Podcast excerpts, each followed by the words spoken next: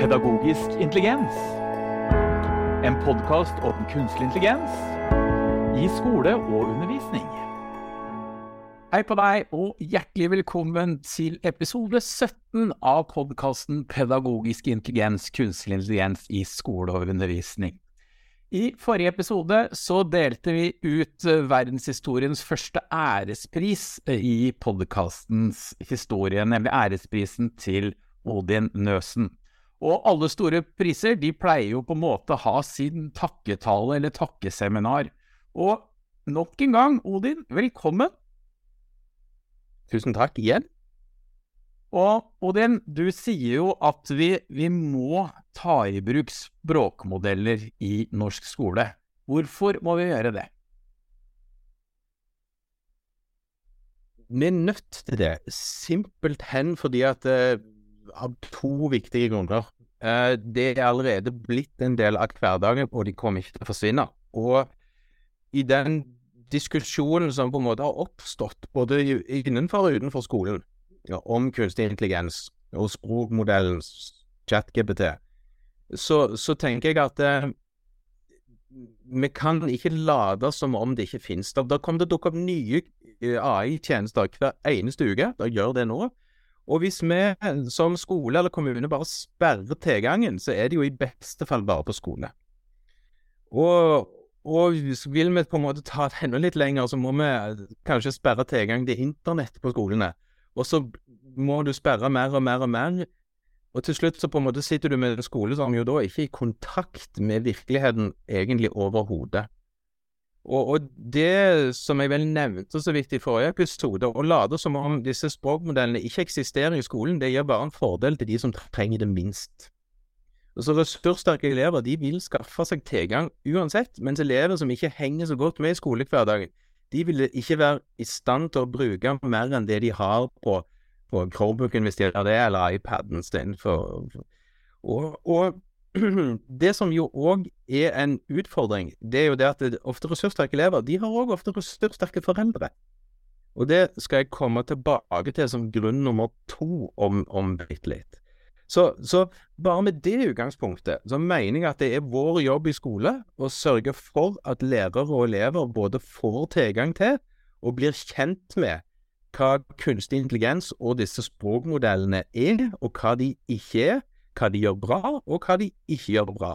Og gjennom det òg finne ut hvordan det kan brukes til å berike undervisningen og læringen, og hvordan de må da forholde seg til det i samfunnet på toppen av dette.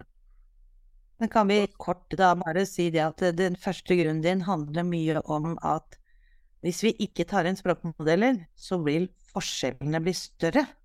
Ja. Det, det, forskjellen vil bli større, og vi går glipp av et fabelaktig eh, digitalt læringsverk... Eller ja, jeg hater det ordet. Vi går glipp av et fabelaktig verktøy som vi kan bruke i skolen. Eh, og jeg, jeg, jeg kan litt på spøk av og til sagt at, at ChatGPT er, er for underveisvurdering det covid var for digitalisering av skolen. Det, er et direkte møte med virkeligheten som vi ikke kan unngå. Det skal jeg si bitte litt om seinere òg. Men Utdyp gjerne det. Ja, jeg vil ta grunn nummer to først, da. Eh, som jeg mener er den andre grunnen. Og det er det at vi må se på språkmodellene som en personlig ressurs for elever eh, og, og lærere. Og, og, det er rett og slett at disse språkmodellene, eller vi kan si ChatGPT, så er vi alle enige om at ChatGPT er en språkmodell, og det kommer flere snart, men ChatGPT er dagens. Det gir både elever og lærere enkel tilgang til både fagstoff og skriving og språk som en ferdighet. Og, og det er til tross for at ChatGPT kan skrive ting som ikke stemmer med virkeligheten. Men poenget er at likevel at eh, elevene gjennom bruk av ChatGPT de får tilgang til en kompetanse som de selv eller hjemme som de kommer fra, ikke besitter.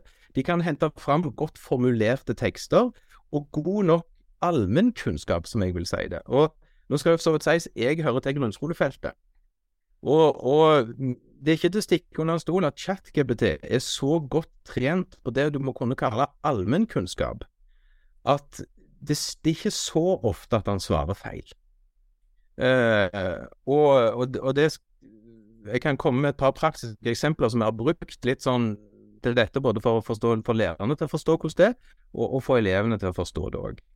Og, siden, siden allmennkunnskapsnivået er rimelig høyt, så kan du bruke ChatGPT som en, en, form for kunnskapskilde som elevene ellers ikke ville ha tilgang til. I tillegg til det å få hjelp til å uttrykke seg og formulere seg godt. Og, og, vi som jobber i skolen, vi må jo aldri glemme hva ressurssterke foreldre gir til ungene sine i skolen. For når det oppstår en situasjon hjemme hvor ungene har bruk for det, så kan foreldrene gi ungene sine en tilpassa fragment av kunnskap og språk som ungene vil bli prega av. Og denne typen mikroundervisning er det jo da mange unger som ikke har tilgang til, og her kan ChatGPT spille en veldig viktig rolle. Og, og, og, da er det jo for så vidt bare til å liste opp en del ting. Og nå har jeg jo allerede sagt, som, som har jo vært en sånn diskusjon lenge, ChatGPTs forse er ikke å beskrive eh, korrekte ting om virkeligheten, altså være et oppslagsfelt, verke et, et faktabibliotek. Altså, til det vil Wikipedia, Store norske leksikon, Google og sånne ting være, være i utgangspunktet bedre. For en språkmodell kan skrive ting som ikke stemmer med virkeligheten, og han gir deg ikke beskjed om når han gjør det. Uh, men, det han er god til, siden han er en språkmodell, er han er veldig god til å arbeide med eksisterende tekst. Og det er derfor det er dette som bør være fokuset når vi bruker det i skole. Og det da å kunne bruke f.eks. ChatGPT som en samtalepartner, som er jo språk, og da kan du enten bruke den til en, bare en, sånn, en samtale om et tema, eller for å få vite noe, og da vil ChatGPT fungere rimelig godt. Men av og til så kan det hende at du må gi den opplysninger.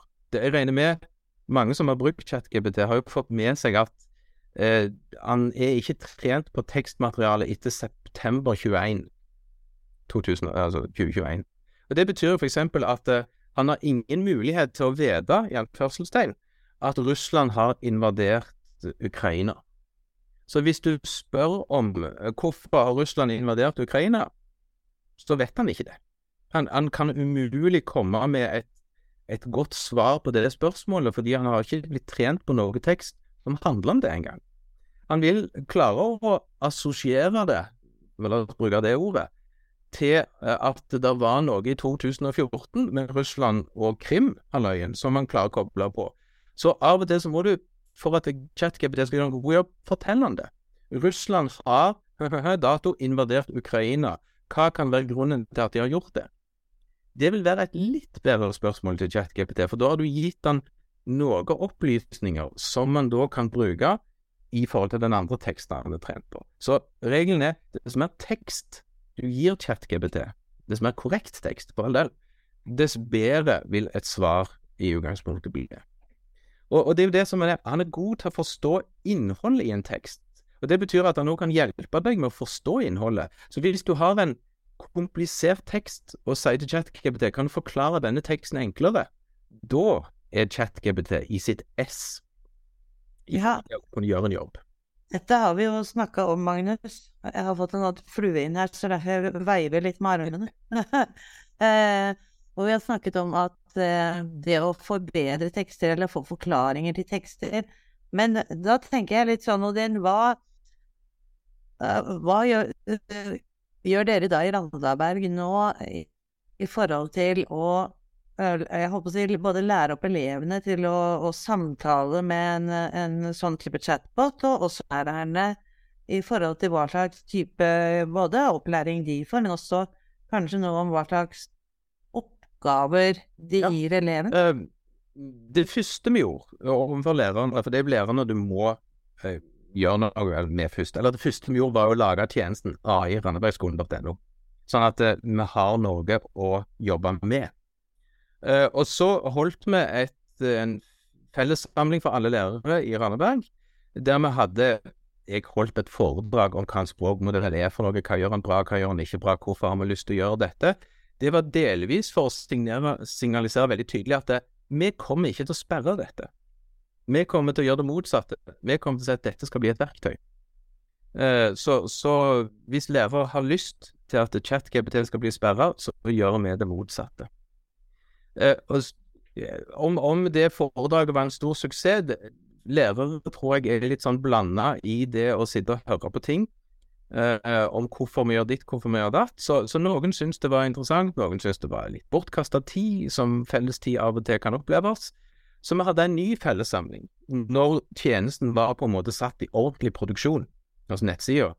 Og da fikk lærerne en hel eh, sånn mandagstid, som det heter hos oss, til å sitte og bruke tjenesten. Og da hadde vi òg lagt en rekke oppgaver til dem, der de skulle begynne på oppgave én og jobbe seg ned igjennom.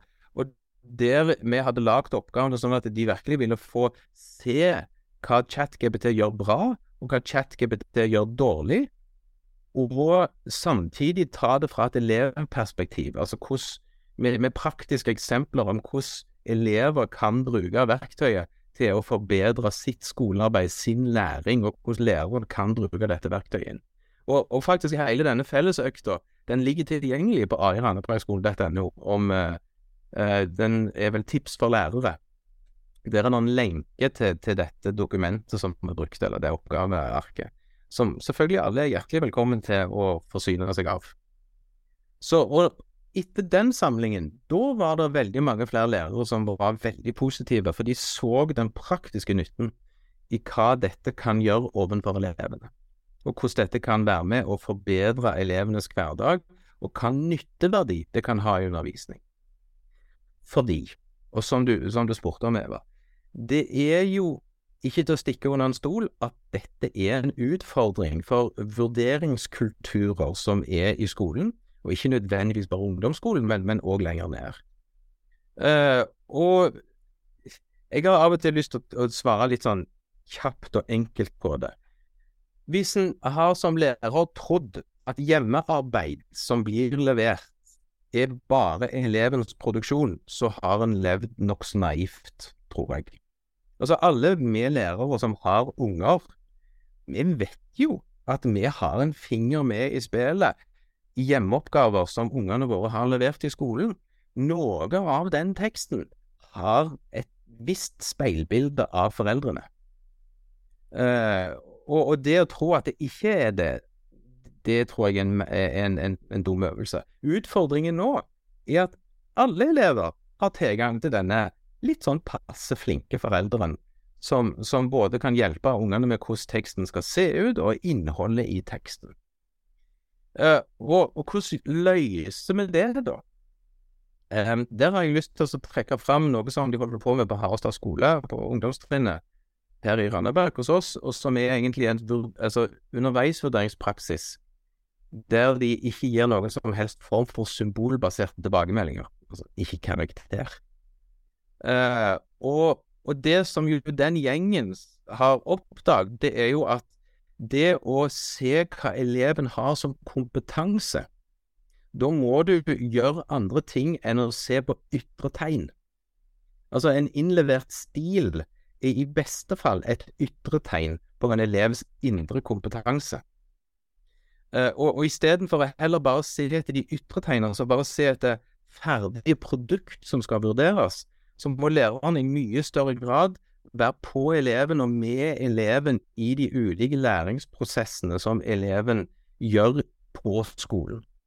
Og Da betyr det at, at eleven trenger kanskje ikke levere et ferdig produkt engang, og læreren vet allikevel veldig godt hva kompetanse eleven har, ut ifra kompetansemål i læreplanen.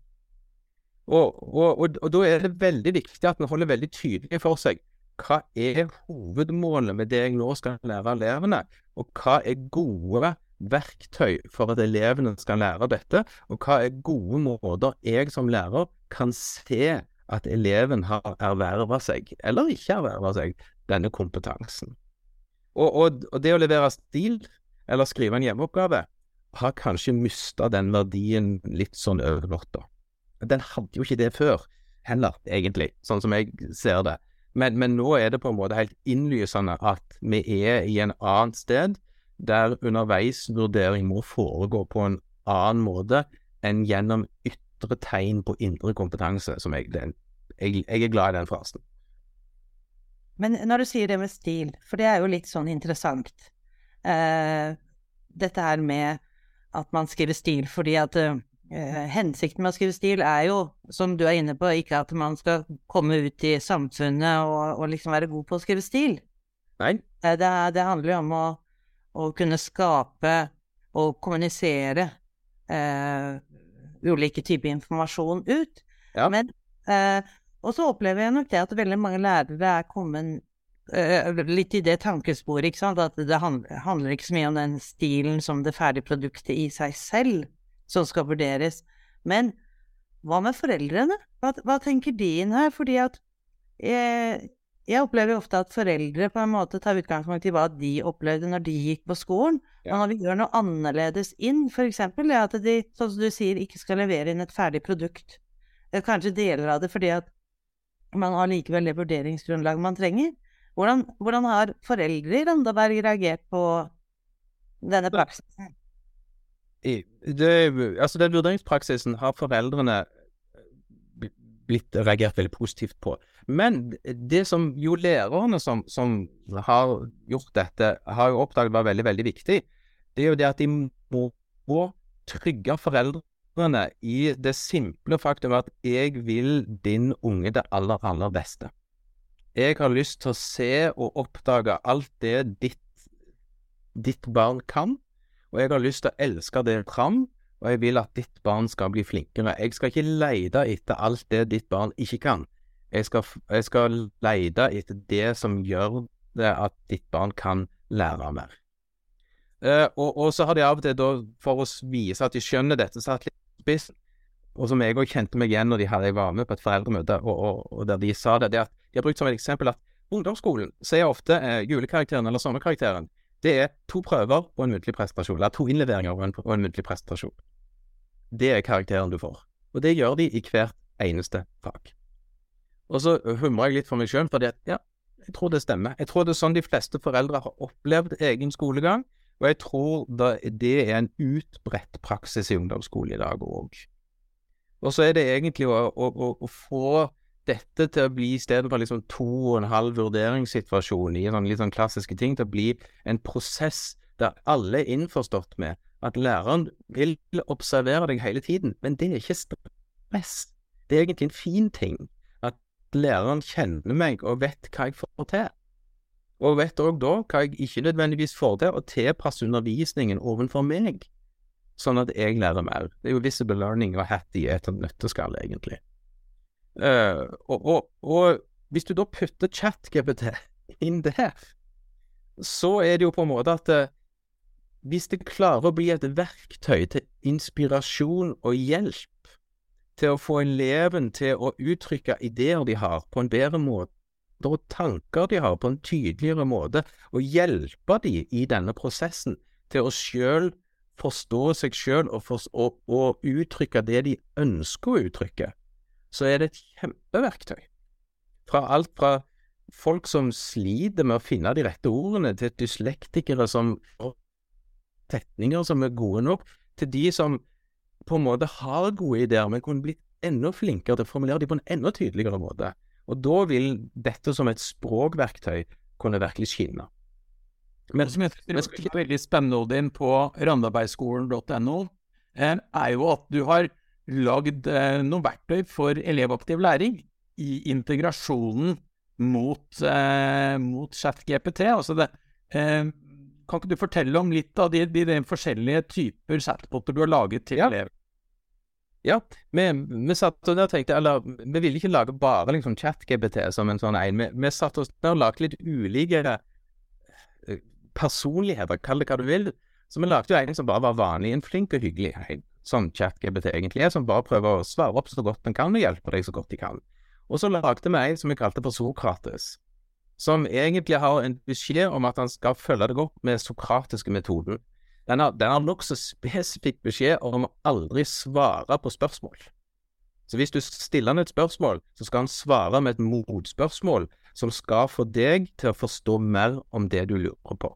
Så han utfordrer deg hele tiden i en sokratisk dialog til at du må fordype deg inn i dine egne tanker og være med i prosessen for å finne svar.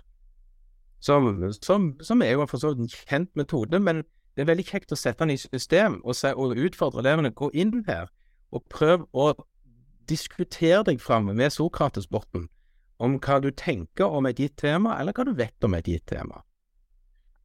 og så har vi lagd en som eh, snakker med barn. Altså det, det, betyr at det er en som forenkler alt.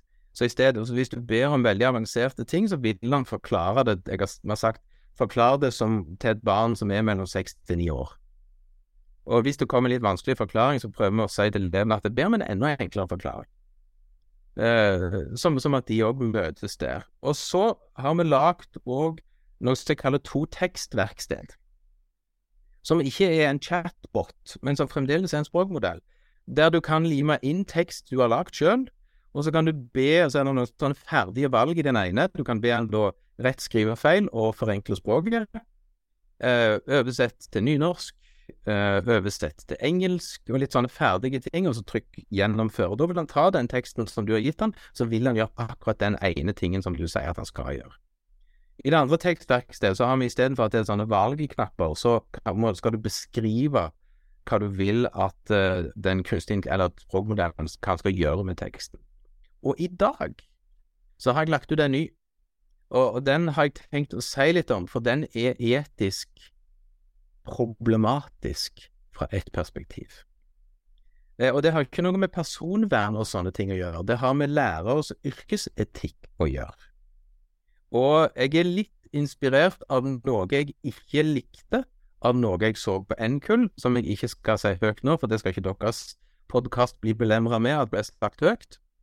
Men jeg har lagd et tilbakemeldingsverktøy eh, som du går inn på, og der kan du da, hvis du som elev sitter og jobber med en oppgave, da kan du lime inn mål for det du jobber med, oppgaveteksten som du hadde som oppgave, og din besvarelse på den oppgaven. Og så trykker du på 'gi meg en tilbakemelding'. Og da har jeg stilt den inn, sånn at han skal gi deg da en, eh, en hyggelig, altså en, en vennlig tilbakemelding, der du skal få tre forslag til hvordan teksten du har levert, bedre kan stemme med oppgaven og målene. Og så er det mulighet for å legge inn klipp og lime inn mål fra kompetanse eh, fra, fra læreplanen, eller hvis det er egne mål til den spesifikke, spesifikke oppgaven. Og så får du òg two stars and a wish, med slengt inn på slutten der. Uh, og målet mitt er at det er en helt fin ting for eleven. For hvis eleven har lagd en oppgave, får oppgaver og mål, trykker på 'gi meg en tilbakemelding', så ser jeg at uh, ChatGPT vil gi en veldig fin tilbakemelding. De, vi har testa den en del, og, og, da blir det tre helt korrekte punkter, så langt som vi har sett, der oppgaven som er levert, kunne blitt bedre hvis han hadde gjort det ut fra oppgavelyden og målene som er for oppgaven.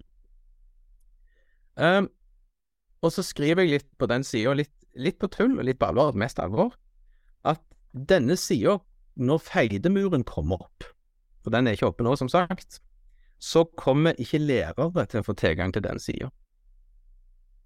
Rett og slett for at det er for enkelt for oss lærere. Hvis jeg bare kan lime inn målene og oppgaven og elevteksten, trykk, og så får jeg opp tre tilbakemeldinger og two stars and a wish, hva er det jeg gjør da?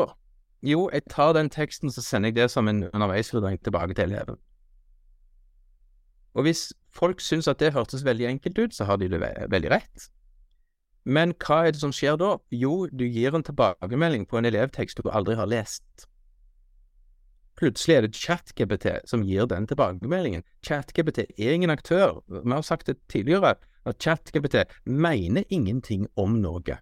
ChatGPT gir bare en tekstlig eh, statistisk tilbakemelding på den teksten han har å jobbe med. Så han vil gi en tilbakemelding, og ofte vil det stemme. Men hvis læreren bare bruker dette som å spare tid, så har ikke eleven fått en tilbakemelding fra læreren. Eleven har bare fått en tilbakemelding fra en språkmodell. Og det er ikke viktig hvis tilbakemeldingen skulle vært fra læreren. Og her kommer etikken inn.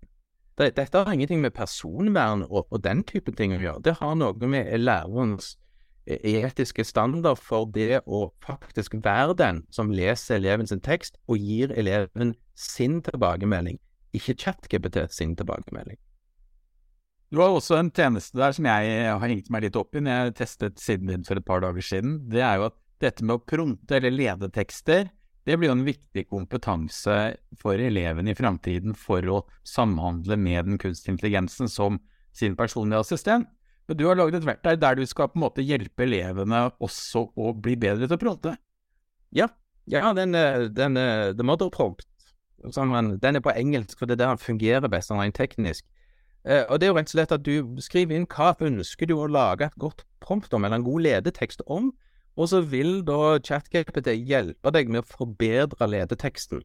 Og spør deg spørsmål underveis. Hva ønsker du? Er det noe mer spesifikt du ønsker? Skal du spisse det inn? Vil du runde det? Vil du gjøre det større? Mindre?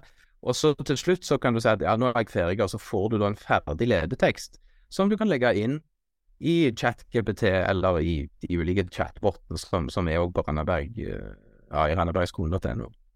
Jeg må innrømme at den tjenesten jeg brukte mest, Odin, det var eh, litt banalt, men jeg syns det var veldig gøy med den her Gjett hvem, da.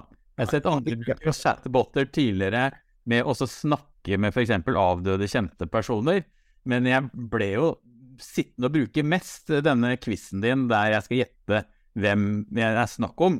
Ja. Og og det er det de fleste gjør. Så når vi har en kurs, så må jeg faktisk be dem om ikke gå inn på den ennå. Ta, ta så Bruk de andre først. For den, den, er, den, har egentlig bare fått beskjed om at han skal lade som om han er en, en, kjent historisk person fra en eller annen tilfeldig tidsperiode i et eller annet tilfeldig land. Og så skal han skrive en kort autobiografi om seg sjøl, og så skal du prøve Han skal aldri røpe hvem han er, så sant ikke en, en klarer å gjette hvem det er. Og, og i den første utgaven den ba jeg òg om å alltid skrive på morsmålet til personen. Men da var det for mange folk som klagde, for de forsto ikke hindi og fransk og tysk og litt sånne ting. Uh, så, så, så det, det, den er mer sånn for underholdningen sin del, det, det, skal jeg innrømme. Men vi har jo faktisk i det undervisningsopplegget til lærerne, der er det jo dette med å la faktisk den kunstige intelligensen, basert på det han er trent på, late som om han er andre personer. Og litt på gøy så skrev jeg òg inn at jeg kunne late som om han var en elg, og gi en kort autobiografi. Og det er den nesten den beste teksten jeg har sett om en elgs hverdag. Ja. det, det, ble en fin tekst om, om hvordan elger har det, og hva elger gjør. Uh, og da lot jeg beholdt jeg den, for jeg tenkte at hvis en elev ber om det, altså skriv en kort autobiografisk fortelling der du later som om du er en jerv eller elg eller tiger eller et eller annet, så vil du faktisk få en fortelling som ikke er så dum. Ja, det blir spennende. Det skal jeg prøve faktisk nå ganske etterpå ja. uh, å få til. Men jeg tenkte litt på det, du var jo inne på etikken, og da kom jeg på en litt sånn annen ting. Fordi at nå har jo du denne uh, chatboten som hjelper til med å lage gode ledetekster. Uh, og så hadde du denne med etikk i forhold til at det er faktisk læreren som skal uh, vurdere elevenes arbeid. Uh, selv om man kan få en hjelp, selvfølgelig, av, av ChatGPT til å kanskje lage bedre tilbakemeldinger, altså sånn rent tekstlig, basert mhm. på de faglige vurderingene som læreren gjør. Men dette med etikk, fordi at noe jeg har eh, sett i den senere tida, det er jo det at jeg syns ChatGPT har blitt veldig woke, altså. Det har blitt veldig mm. politisk korrekt. Uh, bare i forhold til for noen måneder siden. Uh, så, så, opplever jeg nå at det begynner å Jeg syns faktisk det er litt problematisk, og da tenker jeg på dette her med elevenes evne til å utøve kildekritikk og kritisk refleksjon. Hva gjør dere med det? Altså, Det er jo en av de tingene som, som, som, lærerne må hjelpe elevene med, men de må oppleve det litt sjøl først. De, de, må jo utfordre seg sjøl til å, å få ChatGPT til å skrive noe der de òg skjønner at det, her er det på en måte det mest politisk korrekte svaret som dukker opp. Eh, og, så, og, så, slår det to veier, eh, mener jeg. Det, det er bra fra ett perspektiv at ChatGPT tar de hensynene. Og, og, det er simpelthen fordi at hvis han ikke hadde gjort det, så kunne det vært rimelig kritisk i en del situasjoner i forhold til at elever spør om veldig mye forskjellig. Eh, på den andre sida så er det jo da veldig, såpass tydelig for oss voksne at OK, her, her møtte vi et eller annet filter i en eller annen forstand, som, som gjør at ChatGPT tar x antall forbehold i det svaret som på en måte blir produsert. Uh, og, og, og, det er for så vidt ikke verre enn at dette må bli en del av den konstante undervisningen i bruk av språkmodeller. Eh, og, og, vi prøver å ta opp det i det lille kurset for så vidt òg, at elever må alltid forholde seg til at det som blir skrevet, ikke nødvendigvis stemmer med virkeligheten, eller at det vil bli tatt polit, politisk korrekte avveininger, at svaret vil bli snilt. Uh, og, og, det gjør jo for så vidt Vi har sagt at sånn sett så kan du løfte det fram. Sagt det er en positiv ting, egentlig. Fordi dette verktøyet vil være en konstant påminner om kildekritikk for eleven. Altså, de må møte det ChatGPT skriver, med et kritisk blikk. Og nå er ikke kritisk å være Altså, ofte så blir det for sånn kritisk blikk, det blir forstått sånn at jeg er kritisk til det, jeg er skeptisk. Men, men, men altså, et kritisk blikk betyr på en måte Mener jeg det som står her? Tror jeg det som står her? Er dette som står her korrekt? Er det et uttrykk for sånn jeg ville sagt det? Eh, og, og altså ref, at du reflekterer rundt det. Men, men, at dette må være en del av bevisstgjøringen rundt det, for all del. Det, det er det nødt til. Men jeg kan gi et eksempel på, på hvorfor det er viktig at, at han gjør det òg. For i testinga til dette, så, så tenkte vi at OK, vi er elev. Hva skriver elever for noe? De skriver alt fra forferdelig stygge ting om andre, til forferdelig stygge ting de har opplevd sjøl. Eh, og det da å skrive veldig stygge ting om andre, der blir de jo stoppet, for ChatGPT nekter. Altså at jeg vil ikke skrive sånn om andre mennesker. Dette, dette, er langt forbi det som er folkeskikk, på godt norsk. Og, og da er det for så vidt fint at han er litt woke. At han stopper den typen misbruk eller tull. Uh, den andre sida er jo da at hvis en elev skriver forferdelige ting som han har opplevd sjøl, om å bli slått, om å bli misbrukt og masse sånne ting, så, skriver, så, så kommer ChatGPT med en gang på banen med å minne dem på om at jeg er bare en språkmodell. Jeg er ikke en ekte person. Du må ta kontakt med noen andre som du stoler på, det være seg lærer, lege, han foreslo til meg på norsk ring 116 111, eh, som er jo helt korrekt nummer å informere om. Så, så, at de har lagt inn en del av disse sikringene, la oss kalle det det, er, tror jeg, til større gevinst enn til ulempe. Og så får en samtidig være klar over at hvis en går inn i politisk litt betente tema, så vil han òg ta noen forbehold som kanskje ikke oppleves naturlig i en norsk kontekst men, men som vil være naturlig i en bredere amerikansk eller internasjonal kontekst. Rett og slett på av at dataene er trent på, og hvem som har trent? Ja, jeg, jeg tror jeg, jeg, tror ikke det nødvendigvis alltid er dataene han er trent på, uh, men OpenAI har gjort en, en, stor jobb med å på en måte prøve å filtrere hva slags tokens han ikke vil skal dukke opp i gitte settinger. Sånn at uh, han, han, er fintrent på en del dialogting, han er fintrent på en del situasjonsting, etter på en måte han er trent på selve tekstgrunnlaget.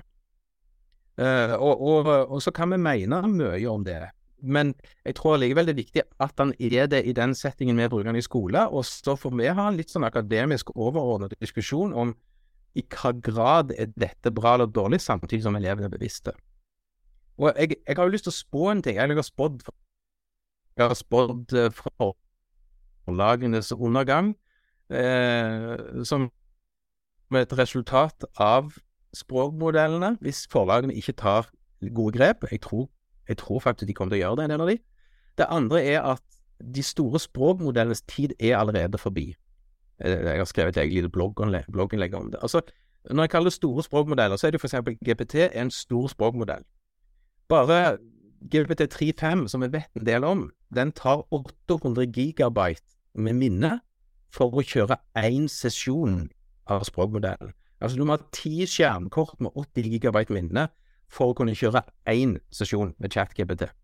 Og når du da har 100 millioner samtidig brukere, så trenger du en serverhall og to og tre og fire. Og Det betyr at dette er ikke for vanlig dødelige. Dette er sinnssvakt dyrt. Dette er det bare store organisasjoner som kan gjøre, som OpenEye, Microsoft, Google, uh, Amazon osv. Men så skjønner jo det er et internt skriv hos Google som har lekt ut, uh, og som bekrefter noe jeg òg har sett. De mener jo at OpenEye er egentlig ikke konkurrenten de konkurrerer mot, de konkurrerer mot fri programvaregjengen. Fordi at uh, det har allerede kommet ut det som kalles små språkmodeller, altså språkmodeller som virker på en mobiltelefon eller en vanlig datamaskin på, på kontoret. Og de er ikke så bra som ChatGPT, på ingen måte. Men fra februar til april i år så gikk det fra å være en litt sånn akademisk kuriositet for de som hadde lyst til å putle sjøl, til å bli 90% av kvaliteten til ChatGPT. Men fremdeles på maskinen på kontoret, og ikke i en serverhall. Og det som, jo, som Google da for så vidt sier, og som jeg tenker, de har funnet ut måter å ikke trene de mye på, men trene de smart. Som betyr at du kan ha en liten språkmodell, men som allikevel er grapsflink. Eh, og, og, de har også funnet en liksom protokollmåte å lagre tingene på, som gjør at du istedenfor å trene modellen på nytt, bare legger til små datamengder som gjør at du slipper unna treninger som kan koste eh, ChatGPT tror jeg koster flere titalls millioner å trene på nytt. Mens nå er det kanskje at hvis jeg som privatperson trener på dette spesialiteten i, for en tusenlapp, så kan jeg dele den treninga med alle andre. Og de som har lyst til at deres språkmodell skal bli flink til akkurat det jeg trente min på, de kan bare ta min lille treningsøkt og så integrere det i sin modell, uten at de trenger å trene på det, samme som jeg gjorde. Og hvis du nå gir det et halvt år til, eller ett år til, så sitter en kanskje rett og slett med små språkmodeller på hver eneste lille enhet en har, som er sånn som modellene er i dag, like flinke som ChatGPT og Bard og Palm 2 og de ulike forskjellige modellene. Og da begynner vi å snakke om òg hvordan kan vi kontrollere hva disse språkmodellene sier, og hva vil disse språkmodellene godta, når de nødvendigvis kan trenes opp til å ikke være politisk korrekt overhodet, fordi en sjøl trener de opp til akkurat det en sjøl vil at de skal være flinke til. Og, det kan være en litt sånn større utfordring i horisonten der framme et del. At rett og slett vi er en eh, At vi tar det vekk fra de store aktørene som må ta ansvar. Så fjerner vi det fra de, og så vi, så bare gir vi de hendene til privatpersoner som gjør hva som helst. Det kan bli en utfordring i framtiden. Spennende tanker. heller, men uh... Spennende tanker og utfordringer. Jeg syns det er veldig spennende. Det er jo et demokratisk problem det at, at, eh, at vi, vi, nordmenn kanskje ikke får lov til å trene opp så mye ChatGPT på vår kultur, utover det den er selvoversatt uh, på dette. Nodi, vi skal gå inn for landing. Eh, mange lærere hører på denne podkasten. Noen eh, visdomsord til slutt for norske lærere som mye takket være deg nå sannsynligvis endelig fra høsten får lov til å ta i bruk ChatGPT selv og sammen med elevene sine. Noen visdomsord og tips fra deg til slutten til norske lærere. Det er for så vidt det. Hver gang vi skal lære noe nytt, så må vi leke med det. Og det betyr at du må finne det fram, og så må du bare prøve deg fram med all slags ulike ting du har lyst til å gjøre og hva du tenker at dette kunne vært kjekt å brukt ChatGPT til. Eh, altså, lek beste formen for læring hvis du ikke nødvendigvis er godt kjent med en ting. Så kan du begynne etter hvert som du blir kjent med det, og, og spisse det inn til det du kan, som selvfølgelig er fagene dine, og metodikk og didaktikk og forskjellige ting. Men det viktige er at du prøver, prøver det ut. Rett og slett leke. Og så lenge før jeg hiver opp feidemuren, så er alle hjertelig velkommen til å gå inn på airandebergskole.no og prøv dere fram. Lek. Eller å gå inn på ChatGPT og, og lage dere en konto, for nå er det mulig. ChatGPT har sagt at du kan gå inn og skru av den funksjonen at de lagrer alt du skriver, og trener på det etterpå. Det kan du gå an og bare si nei, det får du ikke lov til, og så gjør de ikke det det var etter litt protesteringer i Italia i forhold til GDPR og litt sånne ting, at den funksjonen kom. Så, så, så min drøm er jo at dere prøver det ut. Det er den eneste måten å bli godt kjent med det på. Tusen takk, Odin. Odin er jo vår æresprisvinner, første sådanne i pedagogisk intelligens noensinne. Og det har vært et veldig spennende samtale å høre på deg, Odin. Takk skal du ha.